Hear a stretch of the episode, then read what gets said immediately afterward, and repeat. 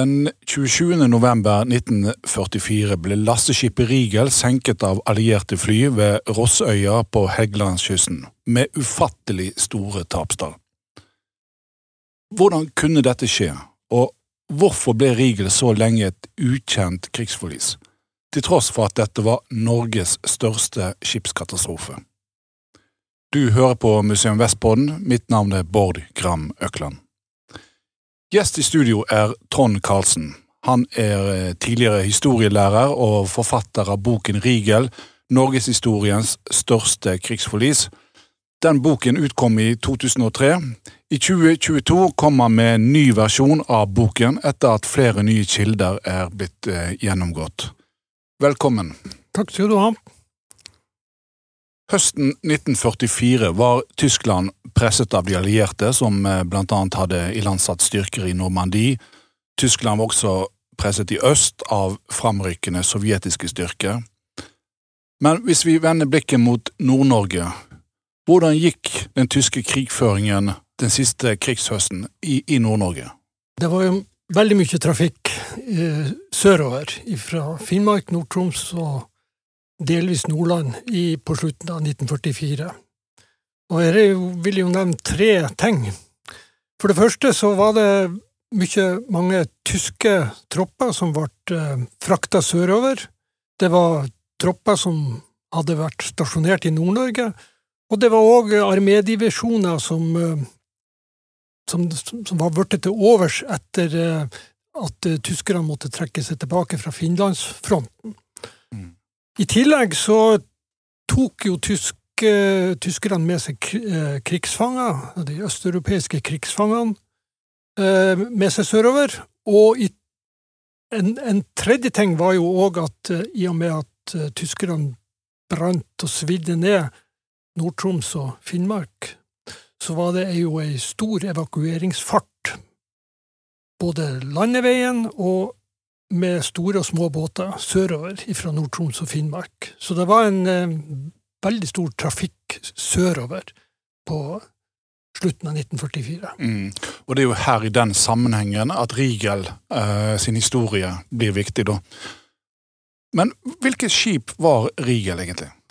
Rigel var jo en, et lasteskip som tilhørte det bergenske dampskipsselskap. Den hadde et søsterskip som heter Krux, og de her to skipene ble bygd på verftet Bormester og Wein i København.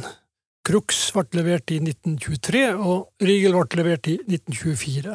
De var jo allerede bestilt eh, i 1915, så, men eh, med knapphet på stål og varer og alksens, så ble de jo veldig forsinka. Så, så, det tok jo faktisk eh, åtte og ni år fra bestillinga eh, fra Bergen, det bergenske dampskipsselskap fikk bestillinga til båtene ble levert. Mm. Hvor, hvor, hvor, seilte Rigel før krigen? Rigel seilte jo, og ble jo bygd for eh, transport mellom Sør-Amerika og Europa.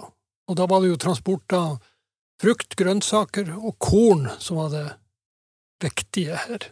Den gikk jo mm. først i trampfart. Mm. Det vil si at det, eh, den gikk jo der opp, oppdragene var å finne, ja. før, den, før, den, mot slutten av 30-tallet kom inn i ordinær linjefart eh, på Sør-Amerika. Da var den kanskje aldri innom Norge, eller var den mellom land der ute? Det er jeg ikke sikker på. Det har ikke funnet noen kilder på. Nå har jeg ikke leita så veldig mye om, om uh, etter det. Og, og jeg, ikke, jeg vet ikke om dagbøkene, altså skipsdagbøkene Rigel i den der, til, i den der perioden finnes. Mm. Mulig at de gikk tapt i den eksplosjonen på havna her i Bergen. Ja. ja. veldig mye av BDS sitt arkiv forsvant jo akkurat ja, ja. i den eksplosjonsulykken i 44. Men i hvert fall, 9. april så angrep, angrep jo Tyskland eh, Norge. Eh, hvor lå skipet da? Da lå skipet i Oslo. Den var nettopp faktisk kommet en tur fra Sør-Amerika. Mm. Uh, når man tenker meg om, så, så, så, så, var den faktisk i Norge. Ja, ja. Og den hadde lossa og holdt på å laste inn ny last for Sør-Amerika da okkupasjonen skjedde. Og den måtte Den måtte losse av den lasta, og så ble den liggende uvirksom til faktisk langt utpå høsten i 1940, for det skjedde noe. Du har jo vært i arkivene til eh, Bergenske Dampskipsselskap eh, i, eh, på Bergen byarkiv. Ja, Og der har du jo funnet dekksdagbøkene til skipet. det stemmer. Kan de, kan de hva, hva forteller de deg? Det var jo veldig interessant lesing. Jeg var jo ikke klar over de her dekksdagbøkene for, for tre år siden, at de eksisterte. Så jeg, eh, jeg kontakta jo Bergen byarkiv og fikk innsyn i de. Og der eh, var det jo veldig mye interessant å lese. Det var jo eh, Det var jo eh, Ja, hva skal jeg si? Stort sett så var, den, så var det trafikk på, på, i Nord-Norge. Den var mest i Nord-Norge. Mm. Og Lødingen, Narvik, Mosjøen, Tromsø det var, eh, det var plasser du, som er ofte nevnt i dekksdagbøker. Mm. Det var òg en del i Kirkenes. Men den var òg i perioder så gikk den i trafikk mellom Bergen og Stavanger-Sandnes. Så, eh, og noen få ganger så jeg at den hadde vært i Oslo. Men, men stort sett var det i Nord-Norge den, den gikk. Ja. Og da, da frakta han forsyninger for ja. den tyske hæren, eller? Stort sett. Det står veldig lite i Dekksdagbøkene om hva, hva som ble frakta, annet enn at det ble lo- lossa og lasta forskjellige ting. Men hvis man går til tyske arkiv og tyske lister, så er de mer spesifisert. Og da kan vi vel begrense det til fire ting. Offiserer, soldater, kjøretøy og hester. Ja. Hester òg, ja. Ja. Var det noen òg uhell som skjedde, altså med skipet? Ja da, de, Rigel hadde tre alvorlige grunnstøtinger under krigen. Ei, den første var oppe i, i Sørfold, Steigen, eh, mellom, mellom Bodø og Narvik. Så hadde den ei grunnstøting i Trondheimsfjorden. Mm. Og i 44 eh, Sent i 44 så hadde den altså en alvorlig grunnstøting ved Rennesøybukten i Rogaland. Og det var eh, Det mistenkte tyskerne eh, nordmenn for at eh, de hadde utført en sabotasje ved å, ved å, å la den gå på grunn der. Altså. De fikk ikke noe ut av det i avhør, så de måtte la mannskapet gå. Men de skifta ut det norske mannskapet med et tysk mannskap, for sikkerhets skyld. Mm. Etter, etter Riegel kom til Bergen den 1. november 1944. Så du kan si at etter Rennesøy-ulykken, da, så, så, så uh, gikk det skipet med tysk mannskap? Ja, etter 1. november. Etter skipet kom tilbake til Bergen etter en, etter en tur. For at uh, skadene var ikke så alvorlige at eh, på en måte det ble eh, udyktiggjort. båten. Mm. Den kunne fortsette. Ja. Men uh, fra den 2. november så var det tysk mannskap og tysk kaptein. Ja, og 2. november 1944 så forlater jo da Rigel Bergen. Ja. Og uh, kursen blir satt nordover, uh, i retning Narvik, og før skipet da vender sørover igjen. Hva var lasten til Rigel der oppe? Ja, på den siste turen så eh, lå Rigel i Lødingen først. Han Trygve Noranger skriver i sin bok Lang kyst at den kom sørenifra, tom. Eh, Det der har ikke vært mulig å få bekrefta eller, eller avkrefta, i og med at eh, alt av dagbøker og papirer de gikk jo tapt i forliset. Så, eh, men i og med at det, det ble lasta inn så mye fanger og, og, og, og folk, så var det vel ty, eh, ikke, veldig usannsynlig at den hadde kommet nordfra med fanger, som det noen som hevder. Og den, eh, den starta i Bjerkvik, lasta inn fanger og tyske vaktmannskaper der. Den fortsatte til Narvik og gjorde det samme. Og der ble det òg lasta inn åtte nordmenn, før den fortsatte til en Tømmernes, der det var en stor fangeleir. Og der ble det jo lasta inn nes- nesten 1000 personer. Så satte den kursen til Bodø, der det var konvoiskifte. Der kom det om bord fem tyskere som antagelig skulle på permisjonsreise Mm. til Trondheim. Er det, er det spekulert? Det har heller ikke vært muligheter å få bekreftet. Det er bare, det er bare noen som skriver det. Ja, Ja. Så det er noen litt usikre Ja, tall her òg? Ja, det er litt usikre tall, det, det er det absolutt. Men, eh, men da den forlot Bo- Bodø, så var det mye folk om bord. Mm. 2838 fanger og soldater og det, offiserer. det er et høyt tall. Og samtidig som dette skjer, eh, som Riegel tar inn eh, sovjetiske krigsfanger, da, så, så befinner de jo seg en britisk flåtestyrke i Nordsjøen. Hva var dette for en flåtestyrke? Det var en flåtestyrke som eh, hadde kommet ifra, seilt ifra flåtebasen Scapa Flow på Orknøyene noen dager før. Opprinnelig så var den ganske mye større enn enn eh, de båtene som kom fram. Men eh, det hadde vært et voldsomt uvær på turen, så halvparten av skipene de, de fikk skader måtte snu og dra tilbake igjen. Og ordren de hadde, det var eh, ganske greit. Det var å angripe fiendtlig skipstrafikk langs nordlandskysten. Det var en ubåtbunker eh, sør for Harstad, Kilbotn, som eh, var et mål. Flyplassen i Bardufoss var et mål. Der var det en god del tyske fly på den tida. Så skulle ferjetrafikken i Nordland angripes. Og til slutt så var jernbanestasjonen i Mosjøen et mål. Akkurat. Så det, de var, det var ganske spesifisert hva det var. så, så dette var for å på en måte hindre eller forsinke på en måte tilbaketrekningen Ja. av uh, tyske soldater. Ja, og det var ikke den første, første hangarskipsoperasjonen langs kysten. Det, var, Mm. det, var, det hadde vært før, og det var mange etter. Så det var, men, men de hadde jo felles mål. Det var jo å forhindre at tyskerne skulle få transportert tropper og materiell sørover. Mm. I boken din så har du jo eh, samlet flere beretninger eh, fra vitner som opplevde det som skjedde. Eh, hva, hva forteller historiene om eh, det som skjedde nå? Jeg har jo brukt beretninger fra tre personer. Han Asbjørn Schulz fra Harstad var den eneste norske fangen som overlevde. Så var det en, en, en russer som overlevde, som heter Julian Oreshkin. Det var jo flere russiske krigsfanger som overlevde, men eh, han er iallfall mest kjent for at han har skrevet ei ganske detaljert beretning om, det opplevelsene sine. Og så var det en ung gutt på 15 år fra Mosjøen som heter Odd Daleng, som bodde på en av gårdene, Ja. som òg har ei veldig sterk beretning. Og de, eh, de står jo som sagt gjengitt i boka, og det var veldig mye forferdeligheter. Så det vil føre for langt å, å gå i detalj om, men det var mye, mye Men kan du fortelle litt om hvordan senkningen foregikk? Ja, det er jo òg litt sånn usikkert, men eh, noen eh, De hevder jo En av flygerne eh, er det en kar i Sandnessjøen, en lo lokalhistoriker som heter Sten Menzone, som har intervjua på 80-tallet. Og han fortalte jo at eh, det var de på Rigel som begynte å skyte først på flya. Og da svarer jo de med en gang. Mm. Og eh, de var jo vel 20-30 fly som Og deriblant var det jo både bombefly og, og jager, jagerfly, og det var jo full rulle, for å si det rett ut. Ja, ja. Det, var, det var voldsomt.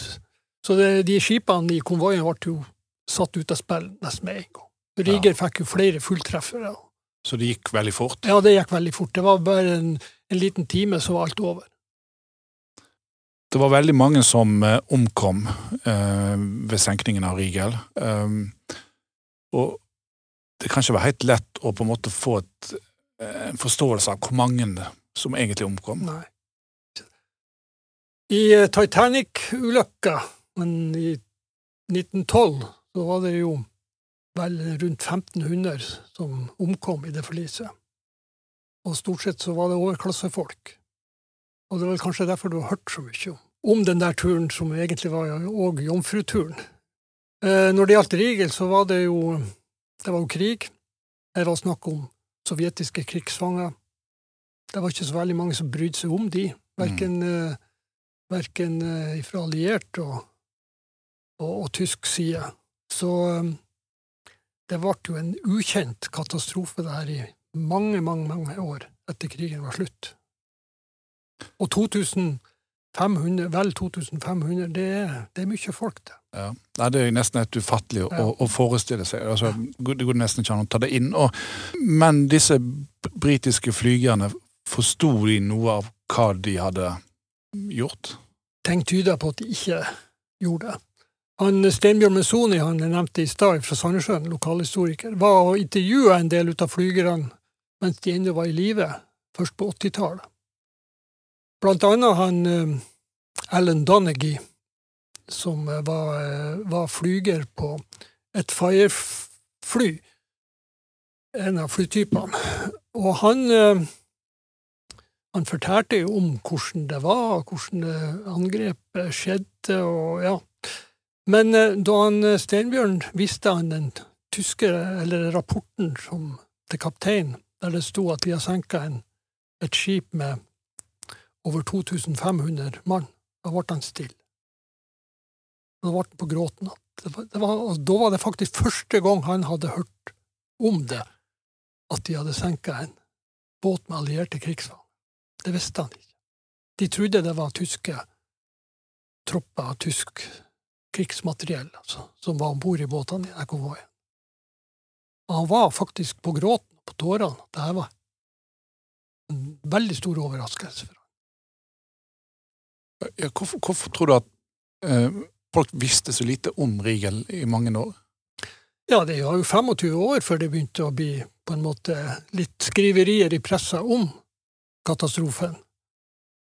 Og eh, sikker kan man jo alle være, men jeg tror nok kanskje det at gikk, det gikk opp for britene om hva det de hadde gjort, og hva som var om bord i, i, eh, i Rigel så de, ville de vel helst ikke ha så veldig mye snakk om det. Sovjetiske krigsfanger i Norge ble jo glemt på grunn av at de som tidligere har våre allierte og venner, nå har blitt våre fiender med den kalde krigen. Og jeg tror nok sovjetiske myndigheter ikke var så veldig interessert i at det skulle komme så veldig mye ut om at her var det snakk om over 2000 av deres soldater som var, som var, var drept av de allierte. En, en fanga sovjetisk soldat var ikke noen soldat ifølge sovjetiske myndigheter.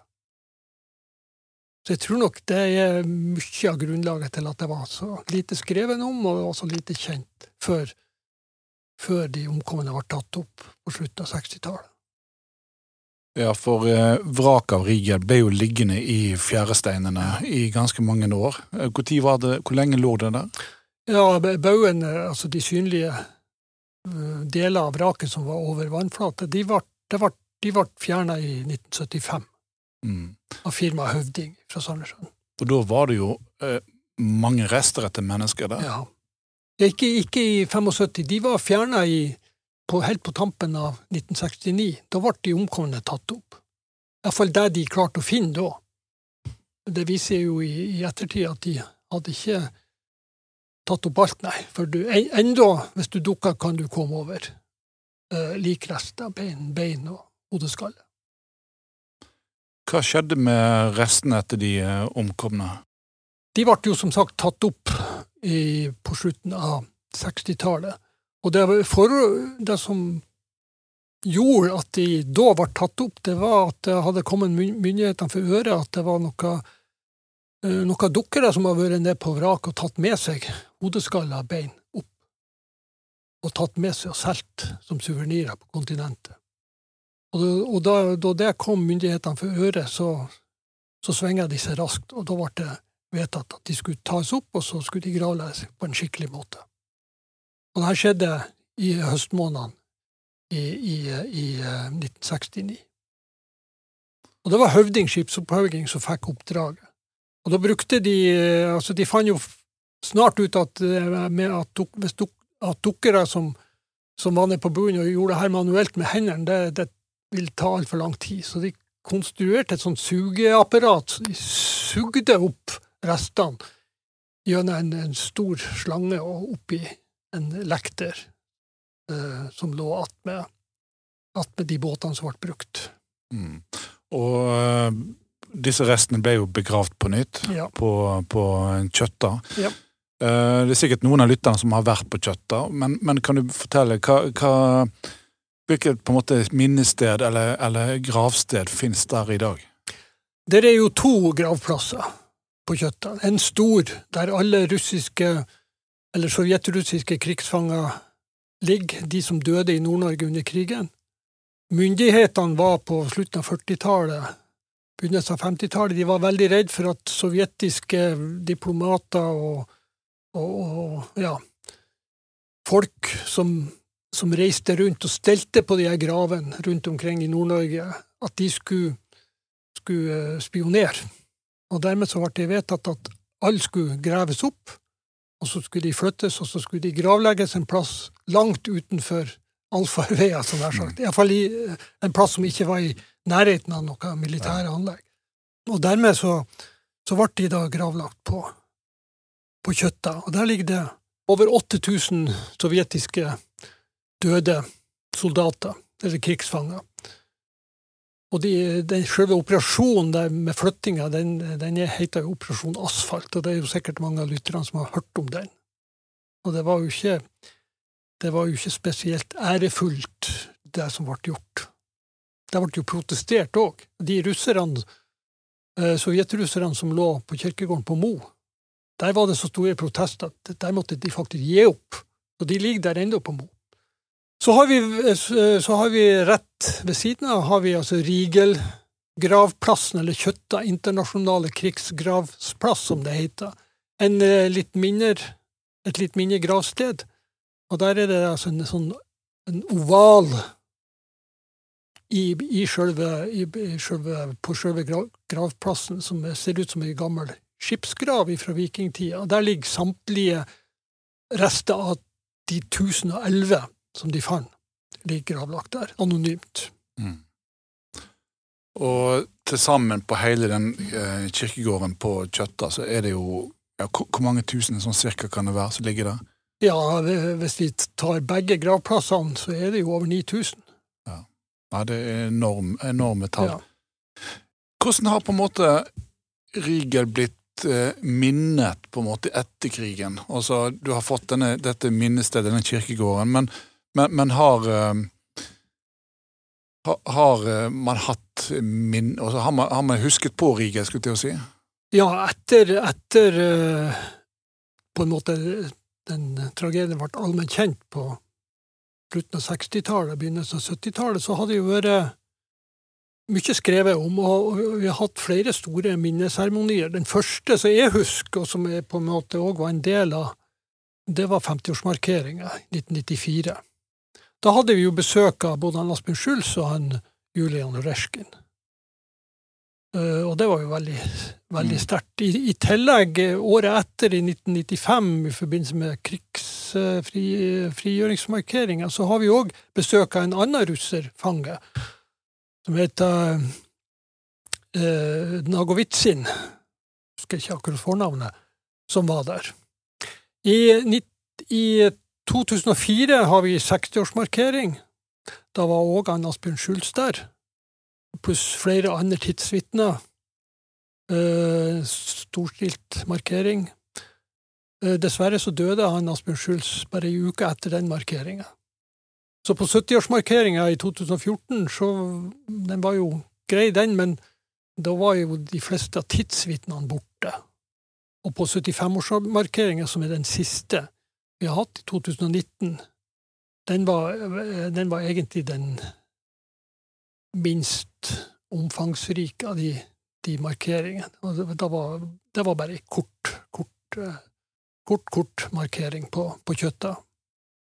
Etter at du kom med den første utgaven av boken din i 2003, eh, eh, og fram til den siste boken din, som kom i 2022, så har du fått et uh, nytt materiale uh, om Rigel. Hva, hva, er det, hva, er det, på en måte det nye materialet i boken din? Ja, det er jo sånn at Etter hver bok, uh, bokutgivelse så ryr det inn ja. saker og ting som man absolutt skulle hatt med. Og Det skjedde etter, etter boka mi i 2003, og det skjer òg nå etter den bokutgivelsen i fjor. Og jeg er jo begynt å samle i en perm, så det blir vel neppe noen ny bok, men at det kan bli et, på en måte et lite sånn tilleggshefte eller en liten tilleggsbok ja. om noen år, det, det kan godt hende. Vi får se hvor mye som, som kommer inn etter hvert. Men uh, det har som sagt uh, det har som sagt, eh, jeg har som sagt fått inn en god del ting nå etter boka. Det har kommet blant annet en vitnebeskrivelse fra en evakueringskutter ifra, ifra eh, Vikna, som var med, og som havna midt oppi eh, bombinga av Rigel. Den skulle jeg gjerne hatt med i boka, men den kom dessverre for seint. Ja. Og så har jo eh, har vi jo klart eh, å fått eh, en del eh, nye navn på tyske soldater. Og den jobben foregår ennå. Det, det er i regi av Narvik-senteret. Eh, De har hatt en, en person i tyske arkiv som har gått og leita, og har funnet en, en god del saker og ting. Jeg har fått tak i to etterretningsrapporter fra en krigshistorie krigshistorier som eh, bor i Troms. Det er ikke så veldig mye revolusjonerende i de, men det er iallfall bekreftet ting som, og teorier som jeg har kommet med i, i den boka mi, blant annet om, om de her, eh, er såkalte ultrameldinger, altså meldinger som britene klarte å snappe opp eh, via sånn en tysk krypteringsmaskin som heter Enigma, som de hadde klart å erverve seg fra en, et tysk ubåtvrak, så vidt jeg, husker. Og, og der har du vært, det har vært et stort arbeid for deg å gå gjennom disse Ja. meldingene. Ja, jeg har tilgang på Altså, i, i, i perioden 2000, Nei, perioden eh, eh, 19. november 1944 til 10. desember 1944. Altså midt Rigel skjedde jo midt i den der perioden. Så har jeg gått gjennom rundt 12 000 sånne meldinger. Oi. Ja. Så jeg fant jo en del. Jeg gjorde jo det. Men det er jo bare det at det, det, det tar tid. Og det tar tid å dekode, det tar tid å få det sendt, det skal skrives uh, resymé, og, og, og det er ikke bestandig at alt blir sendt rundt til de operative enhetene som skal foreta de her angrepene. Jeg har jo uh, grunna litt på uh, det, kverner jo i hodet hele hele tida, denne tragedien. Og eh, fire spørsmål som jeg, jeg har gått og tenkt litt på noe på, på slutten, som skulle gjerne hatt svar på, og som jeg for så vidt har fått en del svar på. Det første er om det finnes en tysk ordre angående denne, eh, transporten med Rigel, denne siste turen, som eventuelt kunne ha inneholdt hvor transporten skulle starte, og hva som var endepunktet. Det har jeg for så vidt fått svar på i og med uh, denne bokstavkoden for konvoien, som var BO410RØ, som, som sier at konvoien starta i Bodø og skulle ende i Rørvik. Det har jeg jo for så vidt fått. Mm. Men eh, det var jo òg spørsmål etter hva og hvor mye eller hvor mange som skulle transporteres, og hva slags havner som skulle anløpes, og, og hva som skulle skje med de sovjetiske krigsfangene når Rigel kom til endepunktet. Og eh, så jeg, har jo grunna litt på og spurt meg litt rundt om hvor, denne eventuelle ordren kunne befinne seg hen, og om det var mulig at britene kunne snappa opp informasjon om denne ordren i god tid før konvoien med Rigel starta turen sørover, og om, eh, på en måte, hvis de, hvis de har snappa opp, om de eventuelt har rapportert over til, til England hva, hva som var lasta om bord. Og til slutt, eh, hvis en sånn ordre eksisterer, eh, hva skulle skje med de her eh, fangene som var om bord i Rigel etter å ha kommet fram til bestemmelsesstedet? Så det, det er sånn jeg har tenkt litt. Mm. Så forela la jeg de her spørsmålene til en, en, en, en historiker og et etterretningsoffiser i Forsvaret som heter Erling Skjold. Han er vel den som vet mest om det her fagfeltet i hele, hele Norge. Mm.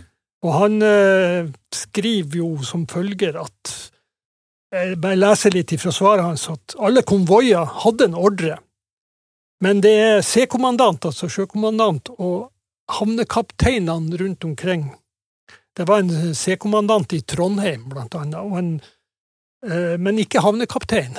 Den var i Rørvik. Eh, om, eh, og, og hvis det var en ordre, så var det der. Det var de som sto for ordren. Men han har alle sett de inkludert i eh, krigsdagbøkene til sjø, sjøkommandanten. Og så skriver han òg at havnekapteinene de skrev ikke sånne krigsdagbøker. Så skriver han òg at det ble gjennomført møte med havnekapteinen og konvoisjefene og sivile kapteinene før ei sånn seiling, der de diskuterte praktiske detaljer. Og eh, i tillegg så hadde eskorten eh, skipssjefsmøte i forkant. Altså de fire, når det gjelder denne konvoien, så var det jo snakk om fire, fire mm. sjefer om bord på de fire båtene. Når det gjaldt det at om britene kunne eventuelt ha snappa opp noe om de her ordrene, så er det utelukka. For at de kommuniserte ved hjelp av fjernskrivere, og det hadde ikke britene muligheter til å avlytte. Så den er på en måte lagt død.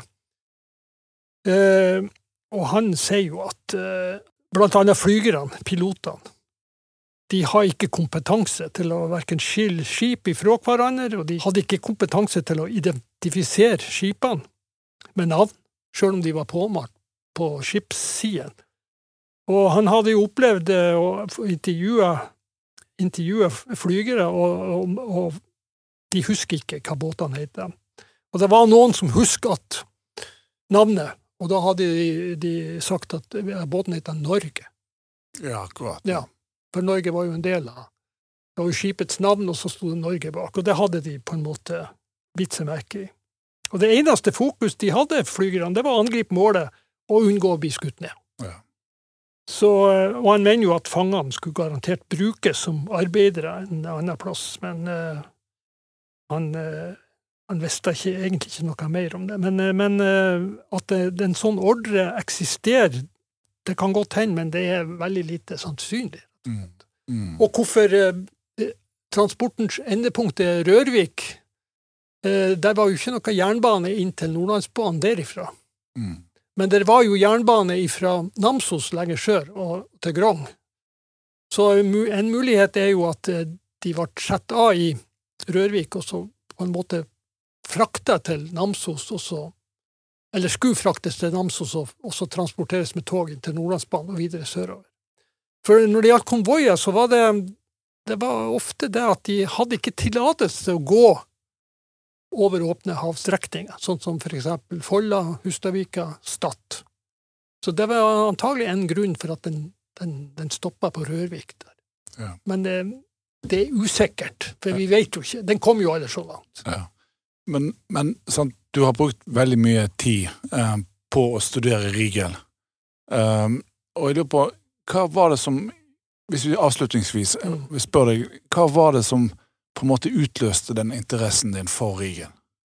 Nei, det var jo mens jeg jobba som lærer på Jeg jobba jo som lærer i grunnskolen på en liten plass som heter Austbø, rett sør for Sandnessjøen. Det er ikke så langt unna der det skjedde. Jeg hadde ikke hørt om Rigel før. Og så var det et prosjekt i samfunnsfag vi skulle ha med ungdomsskolen, der, eh, der, vi, der eh, oppgaven var at de skulle gå og intervjue gamle folk om hvordan dagliglivet hadde vært under krigen. Og da hadde de kassettspillere, og de ja. Ja, skulle ta opp, og så skulle det reinskrives. Og, og da var det det båten dukka opp, at navnet Rigel dukka opp. Jeg ble jo litt nysgjerrig. og Uh, jeg merka jo, og det var jo litt rart, at det var veldig få som hadde var villige til å snakke så veldig mye om det, sjøl om de visste en god del ting. Det var gjengs på Helgeland, og det var veldig lite å få ut av folk. Jeg husker faren min Jeg husker jo eh, baugen før han ble fjerna.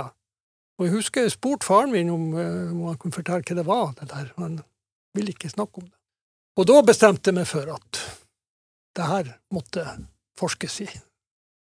Takk til deg, Trond Karlsen, som eh, er, altså er forfatter av boken eh, 'Tragedien Rigel', norgeshistoriens største skipskatastrofe. Takk òg til eh, Magnus Kvarving ved Bergens sjøfartsmuseum, som er produsent for Museum Vestpodden. Vi håper at du setter pris på podkasten vår, og følg oss gjerne på Spotify eller Apple. På gjenhør.